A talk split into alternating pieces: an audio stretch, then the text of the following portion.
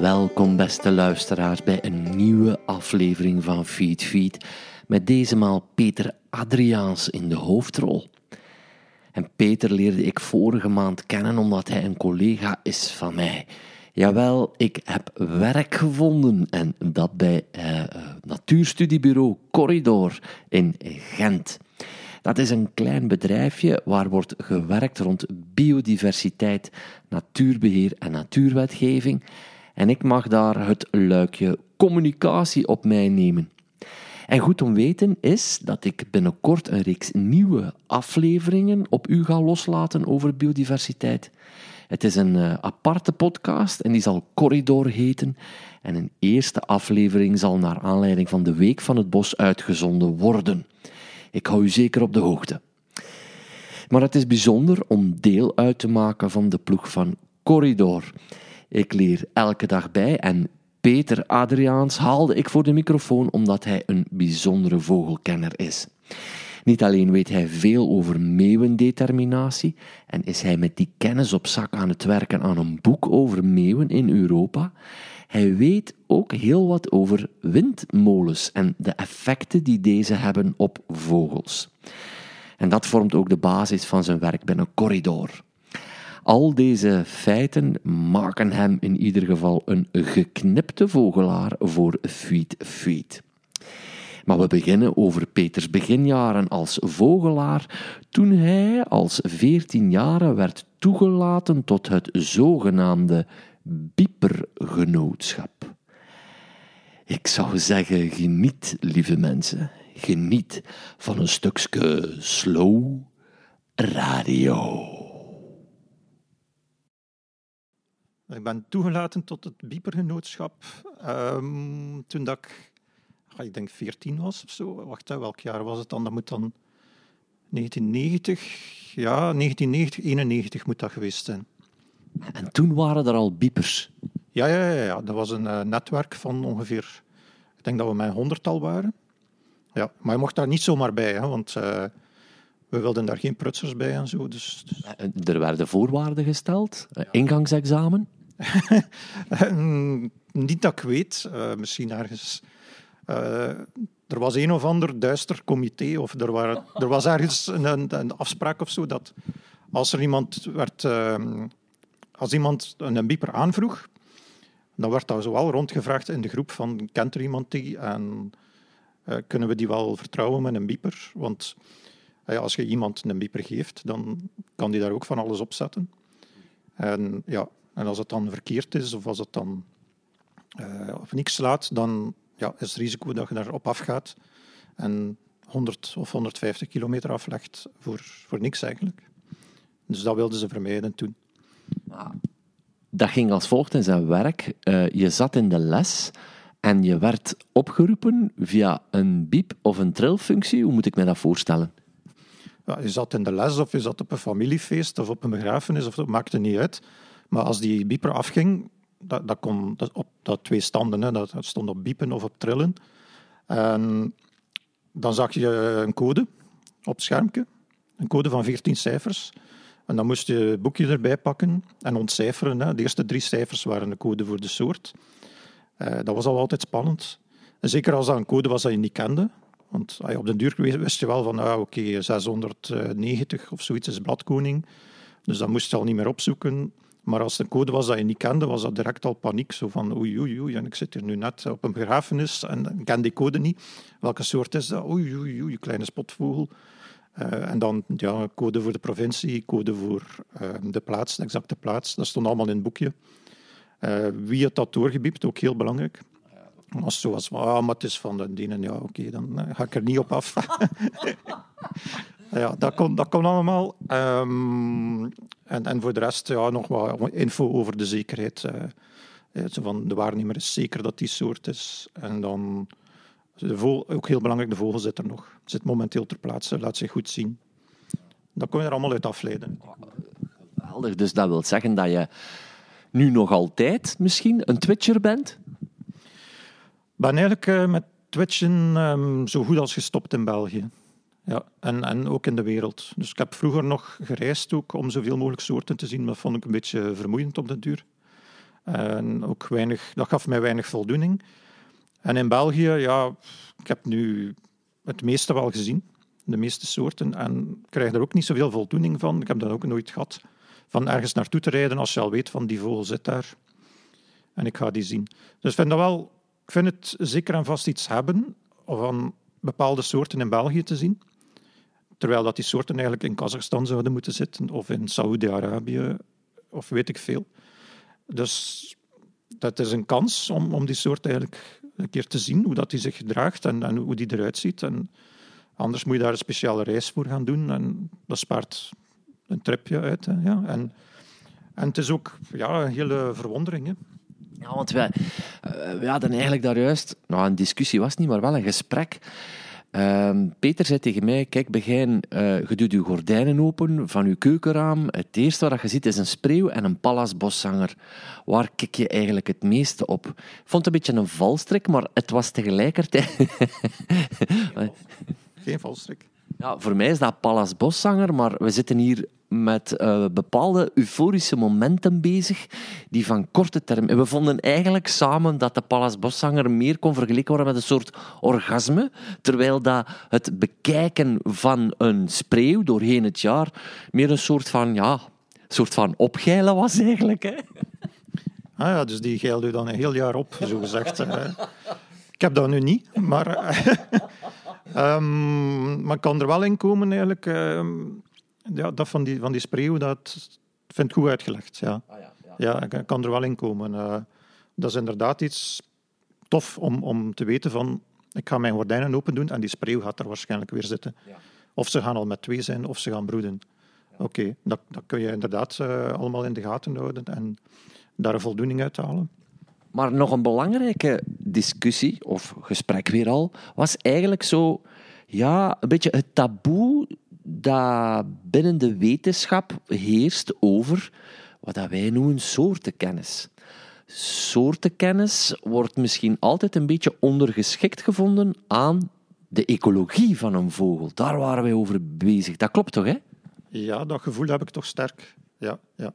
Ik ken wel een, een aantal ecologen die, eh, die heel, heel goede soortenkennis hebben.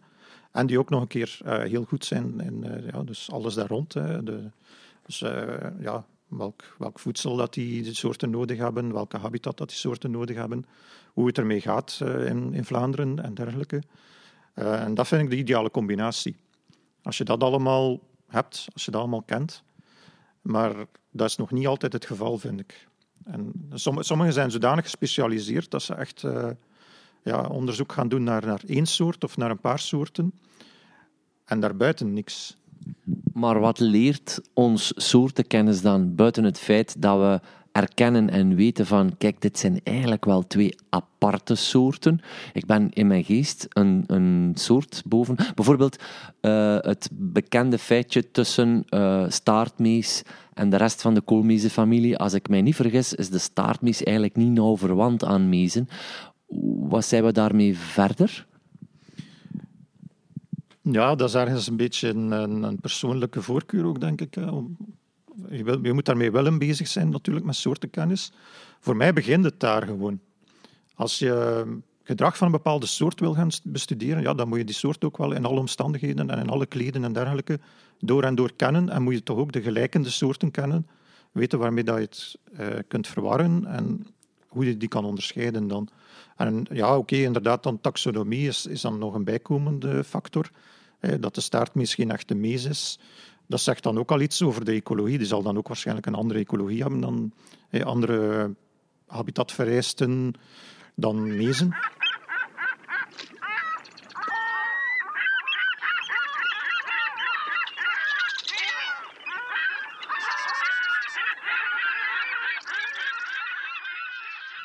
Als ik even verder ga uh, op die soortenkennis, ja, ik hoor zo wat in kringen dat jouw naam uh, valt wanneer het gaat over meeuwen.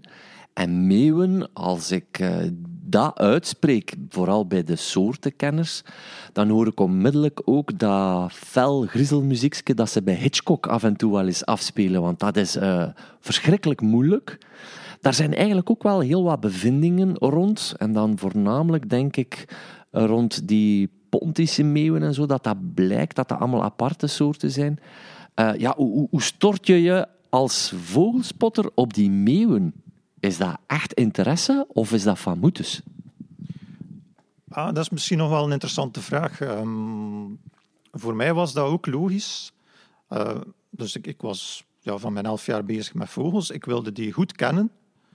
Um, en dat hield in dat, ja, meeuwen zijn ook vogels, dus ik wilde die dan ook kennen. Maar toen, begin jaren 90, was er nog niks. Er was geen internet, er waren nauwelijks boeken over meeuwen. Je had zo de, de Pattersons vogelgids en je had de Tyrions vogelgids, uh, verschrikkelijke boeken. Uh, daar kon je eigenlijk geen vogel mee herkennen, en zeker geen meeuw. En dat vond ik eigenlijk intrigerend. Dus van zodra dat er dan wel een, een, een boek was, eigenlijk was er wel een boek, uh, dat was Girls van Grant, Peter Grant die gestorven is uh, op zijn veertigste. Dat is zo wat het aller, allereerste basiswerk dat ooit verschenen is. Hè? Rond zeevogels of meeuwen? Rond meeuwen, ja, inderdaad. Dat was een heel degelijk werk. Dat is nog altijd, eigenlijk, eh, niet alles wat erin staat is, is vandaag de dag nog correct, maar het meeste wel. En ja, dat is eigenlijk daarmee begonnen dan, mijn interesse. Zo de Girls van Peter Grant. En ah, ja, dat is eigenlijk wel mogelijk om al die jonge meeuwen uit elkaar te houden. Want dat is, dat is een boek, die is ook totaal niet in het Nederlands verschenen. Nee, dat is Engels. Dat is gewoon in het Engels. Maar ja, goed. Dat is dan ja, een bijkomende, bijkomend leerproces, maar um, geen probleem. En dat ging wel. Allee, daarmee, vond ik dat, daarmee was mijn interesse gewerkt, gewekt.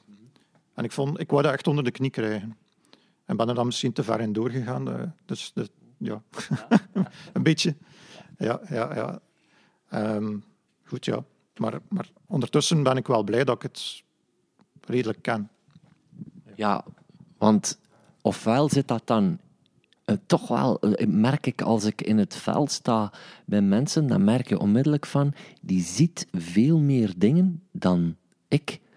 Zit dat dan ook een beetje in uw genen, denkt het? Dat je toch wel al die verenkleden kunt onderscheiden?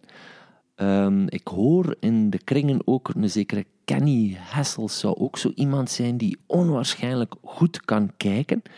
Zit het wat in uw genen, denkt je? Moet er talent voor hebben? Goh, waarschijnlijk wel. Ja. Je moet natuurlijk wel oog voor detail hebben. Je moet willen vier per vier kijken, om het zo te zeggen. En niet iedereen wil dat of heeft, heeft dat geduld ervoor. Um, het is natuurlijk ook veel om te onthouden allemaal, van kenmerkjes en dergelijke. Um, maar al, allee, anderzijds vind ik dat zo moeilijk ook weer niet. Het dwingt je echt om naar een vogel te kijken ook. Um, ik weet dat bijvoorbeeld uh, vogelkijkers die echt heel, heel goed zijn, dat zijn dikwijls tekenaars. Ja, okay. uh, in dit geval, Kenny Hessel is nu volgens mij geen tekenaar, maar bijvoorbeeld een, eh, een Killian Malarney, die, um, dat is een Ier. Dat is een Ier die, die de vogelgids geïllustreerd heeft. Hè. Dus de, de topvogelgids van Europa de Collins Bird Guide, de ANWB vogelgids.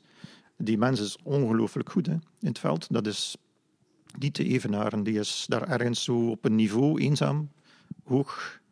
En dat komt omdat hij iedere vogel, voor, het is eigenlijk iedere Europese vogel, tot in de puntjes 100% accuraat geschetst heeft. En ja, dat zit nu allemaal in zijn hoofd. En die, uh... Je hebt er dus al samen mee in het veld gestaan met die man? Uh, ja, ja, ja, een paar keer. Een paar keer. Ik, ik, heb nog in Ierland gewoond, een jaar lang. En dan hem een paar keer tegengekomen in het veld. En toevallig ook, hij is ook reisleider. En toevallig als ik op reis was in Lesbos, dan was hij er ook. kwam ik hem weer tegen. Ja. Uh, je bent een jaar in Ierland geweest. Was dat ook in functie van vogels? Nee, nee, nee eigenlijk niet. Dat was, als ik pas afgestudeerd was, een keer uh, ja, mijn vleugels uitslaan en, en in het buitenland gaan werken en wonen. Want ik, uh, ik, ik diep nu een anekdote op die jij mij al verteld hebt over een ringsnavelmeeuw die je stond te bekijken. Wat is daartoe gebeurd? Kun je dat eens vertellen? Uh, ja, ja, ja, en dat was heel stom, maar in mijn verdediging, uh, dat waren er zes. Het was niet één, één ringsnavelmeeuw, het waren er zes. dat was in april op het strand van Dublin en ehm, ja, ik was daar mee aan het kijken. En er zaten zes ringsnavelmeeuwen, ik telde zes ringsnavelmeeuwen, en die waren zo in uh, koppeltjes verspreid.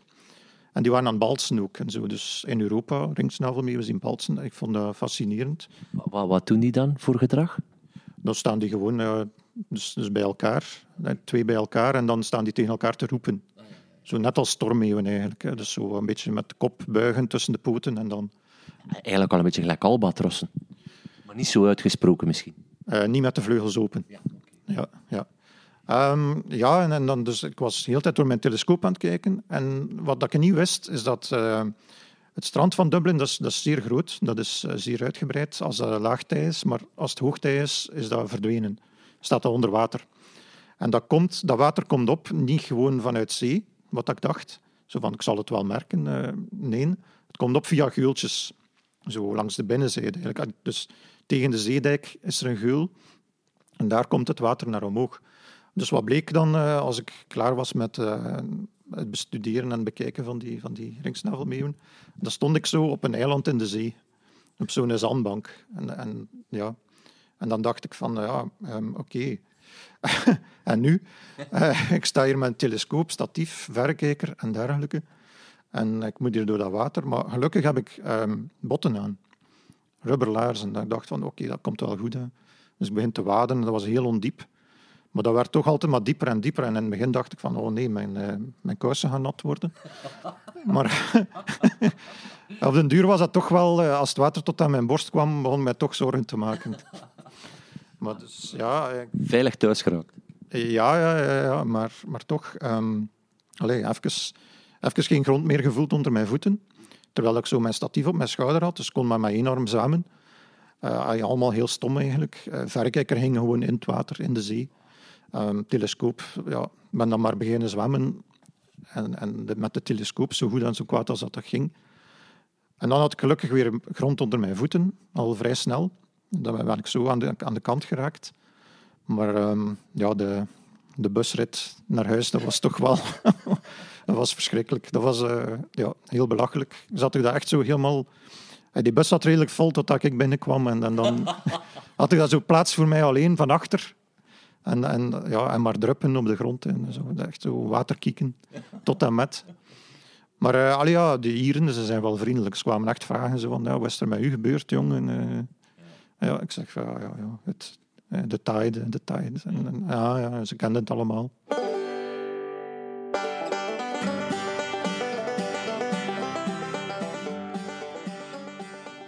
Om terug te keren naar die meeuwen. Ik heb Klaus Malling-Olsen ontmoet uh, in Georgië. Die heeft eigenlijk een beetje de opvolger gemaakt, volgens mij, van Peter Grant. Um, maar als ik mij goed geïnformeerd heb, ben jij met nog een aantal mensen bezig met een determinatiegids voor meeuwen? Uh, ja, dat klopt. Ja, ja, ja, Die moet af zijn eigenlijk uh, binnen een paar maanden. En um, ja, ik schrijf die dus samen met een uh, Nederlander, Mars Muze, met, en met twee Fransen, uh, Philippe Dubois en Frederik Giguet. Uh, ja, dat is een beetje een andere insteek. Ik weet, ik was, ik was niet helemaal overtuigd dat ze mij vroegen van nog een meeuwenboek. Um, is dat nu wel nodig? Want inderdaad, Klaus Malling-Olsen heeft er al twee ondertussen. Hij heeft er twee geschreven, één voor het noordelijk halfrond, een determinatiegids, en dan een fotoboek eigenlijk, een fotogids voor heel de wereld. Alle meeuwen, Girls of the World, ja, ja. En daarnaast heb je ook nog een keer Howell, The Girls of the Americas, dus Noord- en Zuid-Amerika. Heel degelijk boek, heel, heel goed. Met foto's ook. Dus nu nog een keer een boek erbij. is dat echt nodig?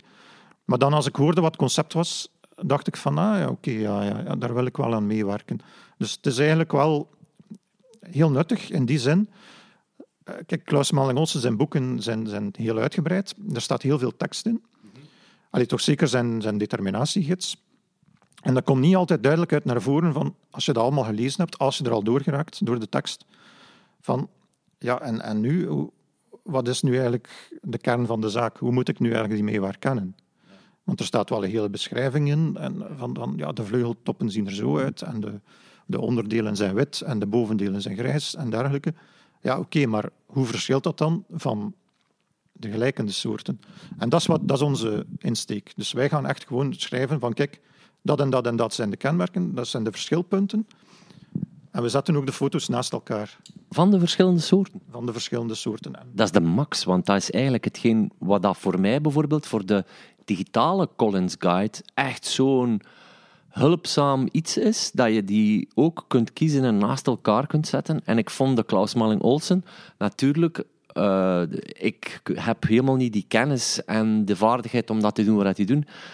Maar ik durfde het bijna niet luid op zeggen, maar ik vond hem absoluut niet praktisch.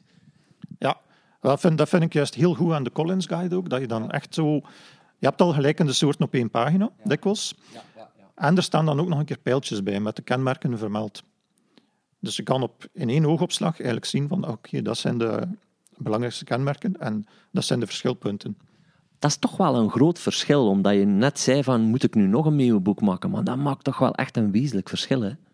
Uh, ja, dat hopen we, dat dat inderdaad uh, goed, goed, aanslaat. Hè. Dus, dus we zetten er de pijltjes bij eigenlijk op de foto's. Ik wilde vragen, werk je met tekeningen of foto's? Maar...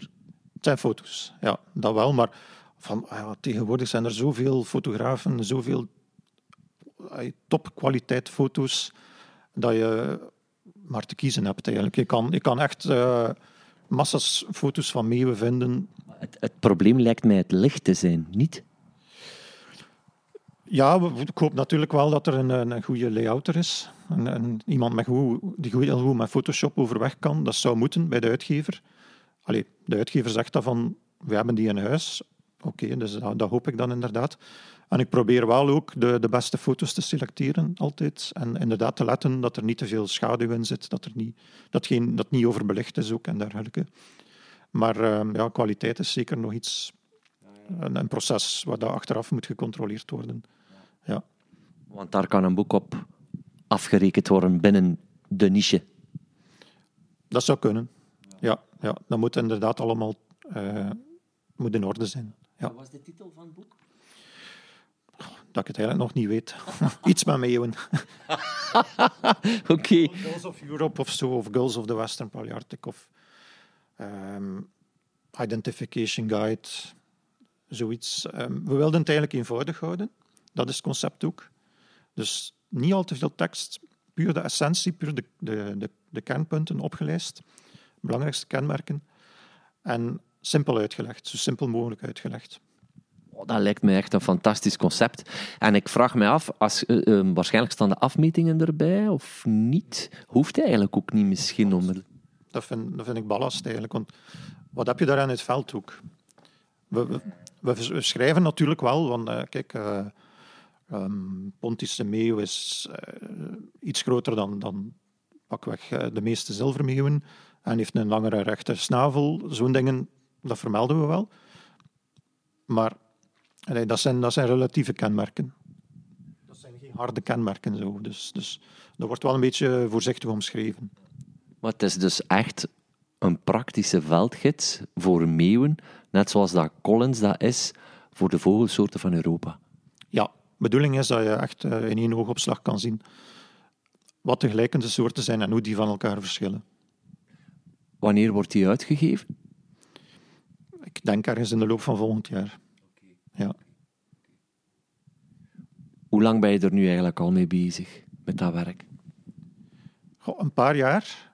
En eigenlijk, ja, uh, wat noem je ermee bezig zijn ook. Hè? Dus, um, het is wel zo dat, dus, ik zei het al, uh, ik heb geen wereldlijst meer. Maar ik ga nog wel op reis om, om vogels te kijken. dus tot voor corona ging ik regelmatig op reis om echt uh, meeuwen te gaan fotograferen. Dus dan waren er bepaalde soorten die ik echt op de foto wou hebben. En waar ik dan alle kleden en uh, alle houdingen en dergelijke op foto wou. Dus daar deed ik speciale reizen voor. En dat, daar ben ik toch al mee bezig sinds goh, 2004, 2005. Ja, ja. Dus in die zin dat het, nu blijkt dat allemaal een beetje voorbereiding geweest te zijn voor, voor zo'n boek. Allee, het komt van pas nu, voor dit boek. Um, het eigenlijk schrijven van de teksten en het, um, ja, het, het, verzamelen van de foto's en uitknippen van de foto's en dergelijke, want we knippen ze uit ook van de achtergrond. Ja, ja. Um, ja, dat is nu iets waar ik al ja, een goed jaar mee bezig ben. Maar, maar eigenlijk veel uitgesteld tot het laatste moment, dus ik moet nog heel wat doen. Dus, en als je er dan een meeuw wilt uithalen, je hoeft daar niet veel over te vertellen, je kunt er misschien wel veel over vertellen. Welke meeuw haalt je daar dan uit dat je denkt van shit, dat is toch wel iets speciaal? Of misschien net een algemene die je toch weer wel speciaal vindt? Ja, dat vind ik een moeilijke. Hè. Um, ik denk dat iedereen, iedere vogelkijker heeft wel zo een, een, beetje een fascinatie voor de arctische soorten. Uh, rosmeeuw, en vorstartmeeuw en ivoormeeuw. Omdat die, ja, dat zijn mooie, mooie vogels op zich. Rosmeeuw, adult, in zomerkleed, dat is ja, prachtig. Hè, met zo een, een zwarte halsband en een, roze onderdelen. En voor de rest een wit meeuwtje. Dus dat past ook heel goed in dat ijs- en sneeuwlandschap. Ehm, ja, dus, dus die fascinatie die deel ik wel. En eh, anderzijds, um, ja, de grote meeuwen heb ik toch ook wel leren, leren waarderen, ik zal het zo zeggen. Dus die zeemeeuwen die iedereen zo verguist. Ja, voor mij zijn die, zijn die boeiend, omdat die zodanig variatie aan, kleden tonen en omdat die steeds weer een uitdaging zijn om te herkennen. Zo van, soms dikwijls zo van, van allez, hoe kan dat nu? Ik ben er nu al zoveel jaren mee bezig, zo, 15 jaar, dat ik nu al naar geelpootmeeuwen kijk, dat ik regelmatig geelpootmeeuwen zie. En toch, dit beest dat ik hier nu in beeld heb, weet ik eigenlijk niet van, wat is dit nu? Dat dat, dat, dat, nog altijd gebeurt en dat dat nog altijd zo moeilijk is soms. Door die variatie aan kleden, door ja, slijtage van het verenkleed ook en dergelijke. Uh, ja, ja. Het is niet, zeker niet altijd gemakkelijk, maar dat vind ik er juist boeiend aan ook. Dat, is een beetje die schattenjacht eigenlijk ergens.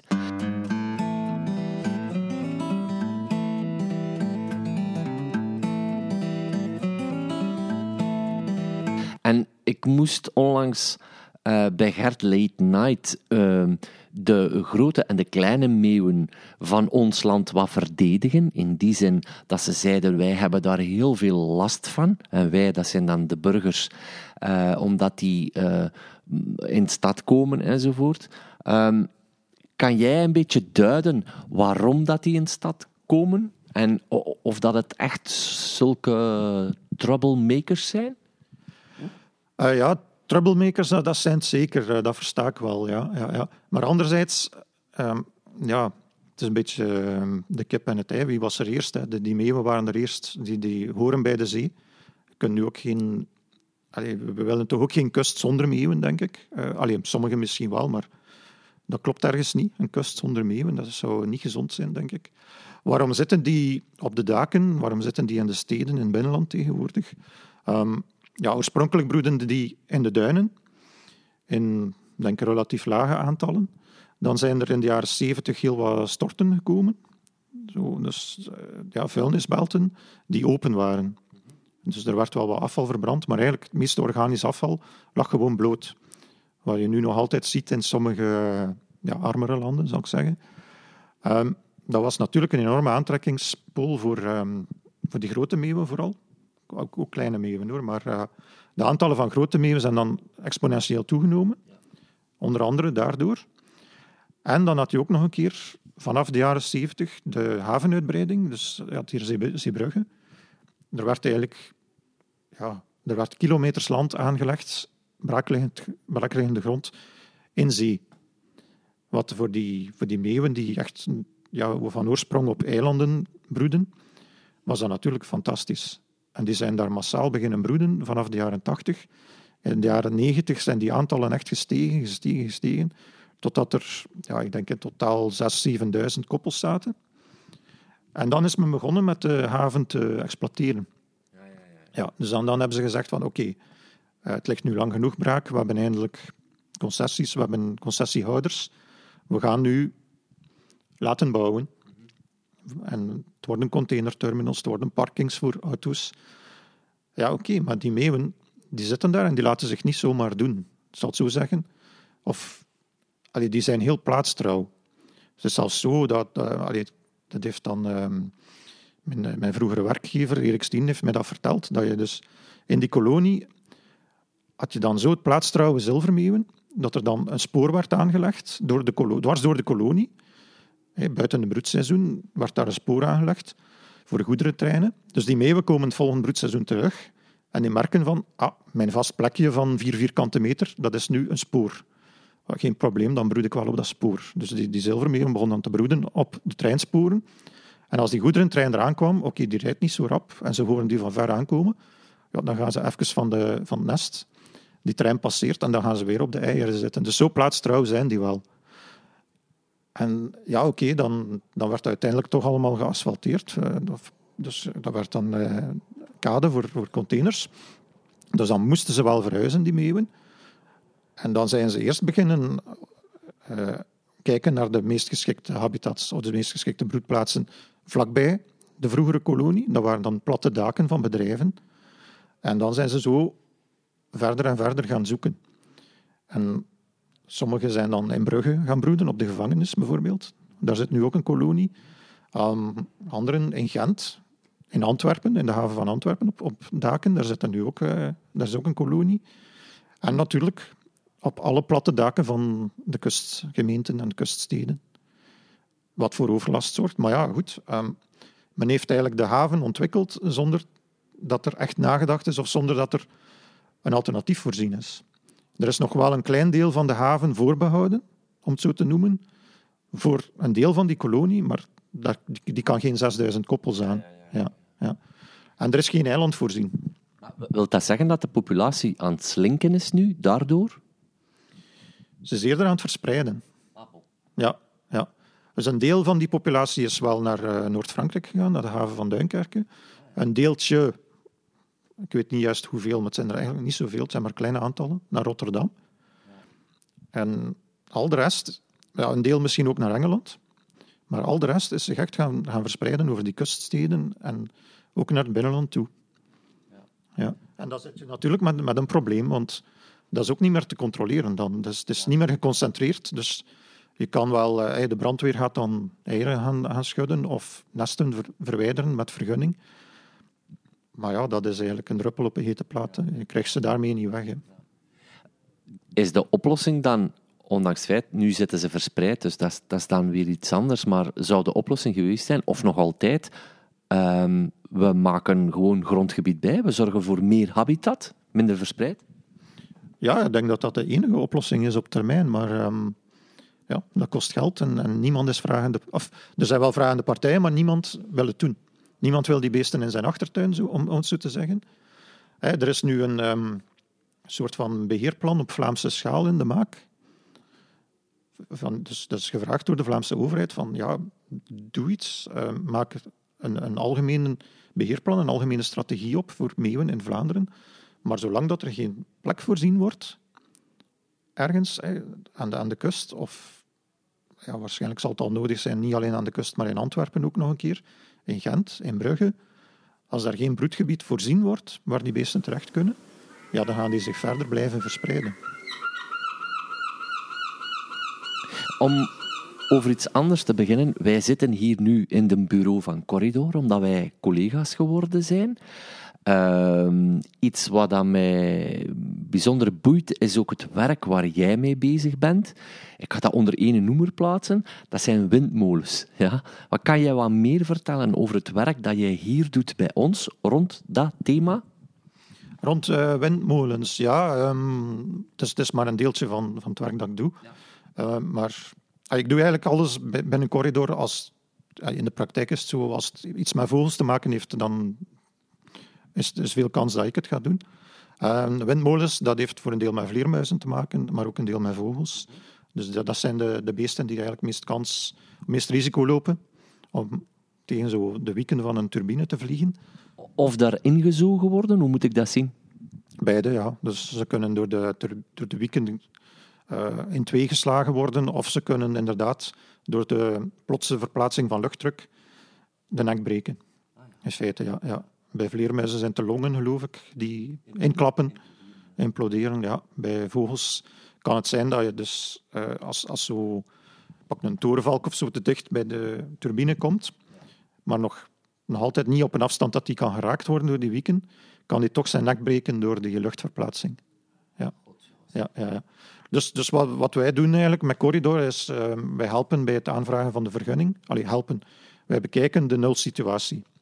Dus we gaan kijken op het terrein waar een turbine of meerdere turbines gaan geplaatst worden. Welke vogels daar zitten, welke vogels daar passeren ook. En wat dus eigenlijk het risico is op aanvaringen. Dus jij moet eigenlijk, als er zo'n aanvraag komt voor een windmolen, concreet in het veld gaan staan en meten, waarnemen, observeren. Ja. of niet alleen staan als, als het voor broedvogels is, broedvogelinventarisatie, dan uh, in heel het studiegebied de broedvogels uh, tellen en op kaart aanduiden. Want ik heb ook al een presentatie van u meegemaakt waarin dat je volgens mij windmolens uh, kon controleren in het Egyptische. Klopt dat? ja, ja, ja. In, in Portugal en in Egypte heb ik inderdaad meegewerkt aan zo dat was dan geen nulsituatie, maar echt monitoren van de turbines die er al stonden. Dus er worden heel grote windmolenparken gebouwd. Vooral in Egypte heb ik dat gezien.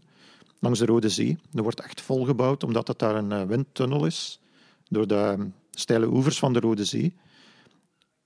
Uh, ja, heb je daar iedere dag eigenlijk... Dus, dus dagelijks harde wind. Het is woestijn. Er is daar eigenlijk niks. Dus zegt men van, zet maar vol met windturbines. Oké. Maar het probleem is natuurlijk, je hebt daar massa's trekvogels in het voorjaar en in het najaar waarschijnlijk ook. Wij deden daar monitoring in het voorjaar voor um, alle ja, roofvogels en andere grote vogels zoals ooievaars, pelikanen, die daar passeren en die door de harde wind niet goed kunnen manoeuvreren ook. Dus echt wel een reëel risico lopen op uh, ja, tegen die wind, windturbines aan te vliegen. Maar we konden dus inderdaad gewoon uh, met een tablet die windturbines stilleggen. Dat is wel cool, hè? dat, is, dat is op plezant natuurlijk. Ja, ja, ja, ja. Maar let op, allee, we mochten daar niet staan spelen met die turbines. Um, het kost natuurlijk allemaal geld als je ze stillegt. Dus we moesten dat iedere keer verantwoorden. We moesten iedere keer een rapport schrijven. Maar... Was dat vanuit een organisatie? Hoe kwam dat tot stand? Uh, ik werkte voor een studiebureau toen. Dus dat was een Portugees studiebureau. Uh, die doen nog altijd dergelijke projecten. Dus die werken vooral in het buitenland. Die werken ook met een radar. Uh, en daarnaast een team van uh, ornithologen die daar dan dagelijks van ochtends tot s avonds uh, monitoren. Dus, dus die staan dan echt op telposten verspreid. En die houden contact met radio's, met walkie-talkies. En als er dan, dat kan een groep ooievaars zijn, dat kan een groep pelikanen zijn, die worden al van ver gespot natuurlijk.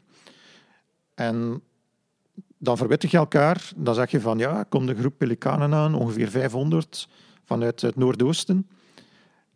En die gaan richting lijn 2 van de turbines. Dus houd je klaar om ze stil te leggen. En dan staat één persoon die de tablet heeft, die, staat, die houdt zich dan klaar. En als die beesten dan te dicht komen, dan wordt effectief die hele rij turbines stilgelegd. Dus dat konden we doen voor grote groepen. Dat konden we ook doen voor individuele vogels, als dat um, internationaal beschermde soorten waren. Dus soorten die op de internationale rode lijst staan van IUCN. Concreet waren dat steppenarend, die is recent opgezet, keizerarend en anders uh, ja, zakervalk, maar die komt nu niet in... Uh, allee, die kwam, kwam daar niet voor in Egypte eigenlijk. Maar dat is eigenlijk een beetje voor u best of both worlds. Hè? Want A, je bent bezig met determinatiewerk, uw soortendeterminatie en uw, uw kennis komt daar naar boven als zeer uh, ja, bruikbaar. En langs de andere kant zijn ze bezig met natuur te beschermen. Ja, klopt. klopt. Dus natuurlijk wel... Uh, de soortkennis is daar inderdaad heel belangrijk. Dat is een goed voorbeeld. Want uh, ja, is het een steppenarend of is het een schreeuwarend? Dat maakt dan een verschil. Voor één schreeuwarend moet je nog niet in paniek slaan, om het zo te zeggen. Voor steppenarend moet je direct al alert zijn. Schreeuwarend, nu goed, uh, voor iedere vogel die echt te dicht bij de turbines kwam, dat, dat, dat er echt slecht uitzag van oei, die gaat hier echt wel risico lopen, konden we ook stilleggen. Maar, maar um, goed, uh, het is natuurlijk veel meer te verantwoorden als het een internationaal beschermde soort is. Uh, inderdaad, dus heel belangrijk. Is de steppenarend, is het een keizerarend effectief? En anderzijds, ja, is het wel een beetje, of kan het frustrerend werk zijn als je dan zo'n aanvaring meemaakt. Ik heb het nu gelukkig niet bij een beschermde soort meegemaakt, maar toch zo, ja, een kleine torenvalk die daar aan bidden is en opeens naar beneden dwarrelt. Ja, dat is wel vervelend om te zien. Zeker en vast, ja. ja. Op het einde van de dag moet je toch stik kapot zijn van zo gefocust te blijven? Eigenlijk niet. Op het einde van de dag viel dat mee. Na drie weken begon dat wel te wegen. Dus, dus we deden altijd een shift van drie weken. Om, om het een shift te noemen. Na drie weken moest je eigenlijk bijna naar huis. Ja. er, werd, er werden maar heel weinig mensen toegelaten om, het, om dat, dat werk ehm, langer dan drie weken te doen. Uh, ik kreeg wel ook iedere week één verlofdag. Ja, om, om even verder te gaan over windmolens hier. Hè, want ik, ik hoor ook mensen kritiek uiten. Zo van, ja, weet je, uh, we gaan dan windmolens zetten en het is dan weer niet goed. Hè. We gaan dan weer voor die vogels moeten zorgen enzovoort. Zijn er hier in België locaties... Uh, wie, wie, wie houdt dat bij en uh, waar dat die, hoe moet ik het zeggen, trekpijpen zijn eigenlijk van bepaalde soorten, waar dan geen windmolens mogen geplaatst worden? Of Zie ik dat verkeerd? Hoe kan je me daar wat uitleg over geven? Ja, in, in Vlaanderen heb je de risicoatlas van het INBO.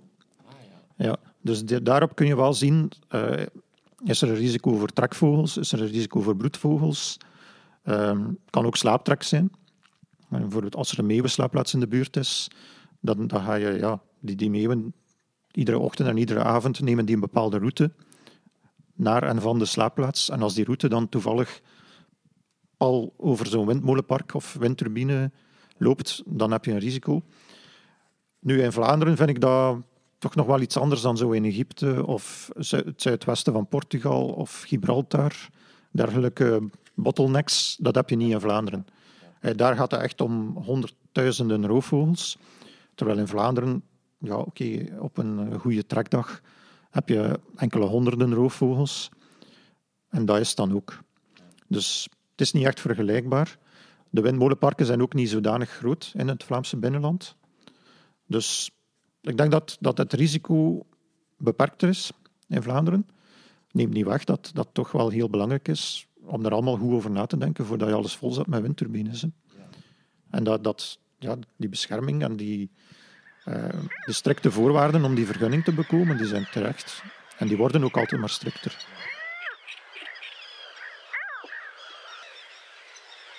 Ik weet dat jij een paar anekdotes achter de hand hebt. Um, want jij bent natuurlijk, ja, ik zou je meeuwenspecialist noemen, maar het, onmiddellijk zei je van, ja, maar ben ik wel geïnteresseerd in alle soorten vogels.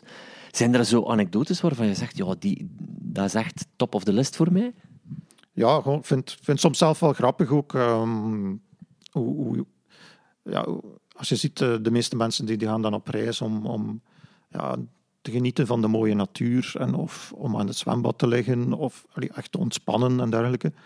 En als ik soms zie waar, de, de reizen voor het fotograferen van meeuwen mij brengen, dat is toch wel triestig eigenlijk. Allee, ja, je, bent ook in Georgië geweest, in Batumi. Ehm, dan, dan, ga je voor de roofvogels, hè, dus voor de grote aantallen en, en de massale trek, eh, zoals dat de meeste vogelzotten doen. En ik ben daar dus echt in de winter geweest. Ja, want dat er daar dus eigenlijk niks van trek is. En dan ben ik dagelijks naar dat, dat stort geweest. Ik weet niet of je dat gezien hebt, dat stort daar in Batumi. Ah, wel, Klaus Malling-Olsen, waar we het er net over hebben, die haalt zijn hartje op van zodra dat hij die zure lucht drinkt van die storten. Hè. Want dan weet hij, er zijn meeuwen te vinden. Ah, wel, ja, maar ja, en dat was, dat was echt wel een, een heel uh, grappig stort. Allee, grappig, dat was... Uh, um, er was heel veel organisch afval, dus dat lag daar vol met appelsienschillen. En dat, dat, dat liep daar vol met koeien en geiten ook op dat stort. Ook heel bizar. En daar woonden mensen op. Of daar, daar, dagelijks waren daar mensen zo in de, in de afval aan het vroeten. Zo van die uh, ja, uh, stoere Georgiërs. En ook vrouwen, eigenlijk hele gezinnen, die daar op die vuilnisbelt leefden. Allee, dus op de duur um, kenden wij die. Dus we zwaaiden daar dan en zo. En we brachten whisky mee en zo. Dus, dus we gingen echt in de supermarkt whisky gaan kopen, flessen whisky. En dan waren ik weet niet hoe content zo, dat we daar weer de meeuwen kwamen eh, fotograferen. Hè. Je maakt daar eigenlijk alcoholisten van, hè? Ja, als ze dat nog niet waren. Eh. Heb, heb je daar eh, goede determinaties gezien, goede soorten gezien? Um, op dat stort zaten vooral geelpootmeeuwen, Pontische meeuwen en Armeense. Ah, ik moet toegeven dat Klaus Malling-Olsen mij geprobeerd heeft het verschil uit te leggen, maar dat ik het toch nog altijd niet beet heb. Ik, het spijt me, het zal er niet in zitten waarschijnlijk met mij. Misschien hopelijk met het nieuwe boek. Uh, dat dat uh, geen probleem meer is. Ja, ja, ja, ja, fantastisch. Ik hoop dat... Wij zijn, wij zijn echt overtuigd als auteurs dat je wel, als je de soorten naast elkaar zet en met pijltjes aanduidt van kijk, dat, daar moet je naar kijken en daarnaar, en dat is het verschil, dat dat toch wel voor iedereen wat duidelijker zou moeten zijn. Ja. Dat dat toch een verschil zal maken.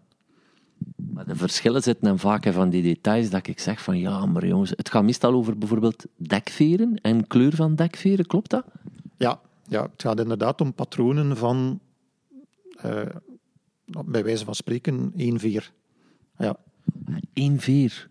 Dat kan, dat kan één veer zijn, die echt van belang is. Ehm, dus inderdaad, ehm, het is een beetje een, studie van vogels die meewen en je hebt best een camera daarvoor. Je gebruikt er best een camera voor. Wat veel mensen ondertussen al doen. Hè.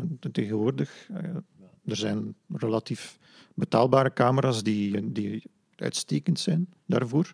Waar je echt ieder detail van een vogel op kan bestuderen. Dus het werk rond soortbepaling bij meeuwen gebeurt eigenlijk uh, thuis? Bij grote meeuwen is dat eigenlijk een soort van... Uh, dus enerzijds in het veld, maar anderzijds ook op foto's achteraf. Ja, ja dat, dat, dat is zeker een vaste meerwaarde. Meer nog, dat uh, versnelt het leerproces enorm. Hè. Ja. Dus je zegt van... ja, mensen vinden dat ontzettend moeilijk. Oké, dat klopt. Maar anderzijds ken ik ook wel iemand die dat op één jaar onder de knie heeft gekregen. Serieus? Ja, dat kan dus ook. Oké, dat is nu wel uh, geen, zeker geen dommerik, maar die heeft gewoon gezegd van ah, die meeuwen, dat is nogal interessant, ik ga me daar een keer op toeleggen. Uh, die fotografeerde zelf ook. Die maakte dan uh, uitgebreid foto's van, van iedere meeuw waar dat hij aan twijfelde. En die stuurde die dan door. Je kan ook tegenwoordig kan je ze op waarnemingen.be zetten. En dan is er altijd wel een of andere moderator die zal zeggen van ah, daar ben je mis, of het is eigenlijk die soort, of het klopt, goedgekeurd. Daar weet je ook al veel mee. Dus ja, dat leerproces tegenwoordig, het kan heel rap gaan. Dus op, op één jaar tijd had hij dat volledig onder de knie.